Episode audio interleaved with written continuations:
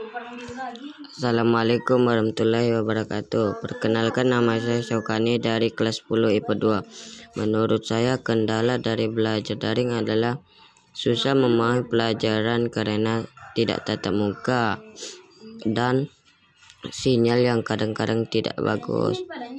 Wassalamualaikum warahmatullahi wabarakatuh.